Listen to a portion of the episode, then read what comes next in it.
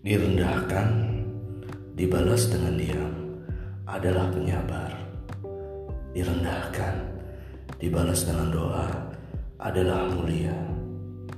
Dan direndahkan, dibalas dengan merendahkan adalah sama-sama jatuh pada titik terendah. Tidak semua hal bisa selesai jika dibalas dengan hal yang sama. Kadang benci berakhir jika dibalas dengan cinta. Kadang marah akan usai jika dibalas dengan diam. Dan kadang luka akan berkurang jika tidak lanjut membalas luka. Siapa yang memuliakanmu, maka muliakanlah dia. Dan siapa yang merendahkanmu, maka muliakanlah dirimu dengan tidak merendahkannya.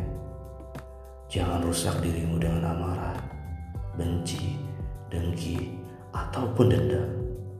Karena hidupmu terlalu indah untuk dirusak oleh semua itu.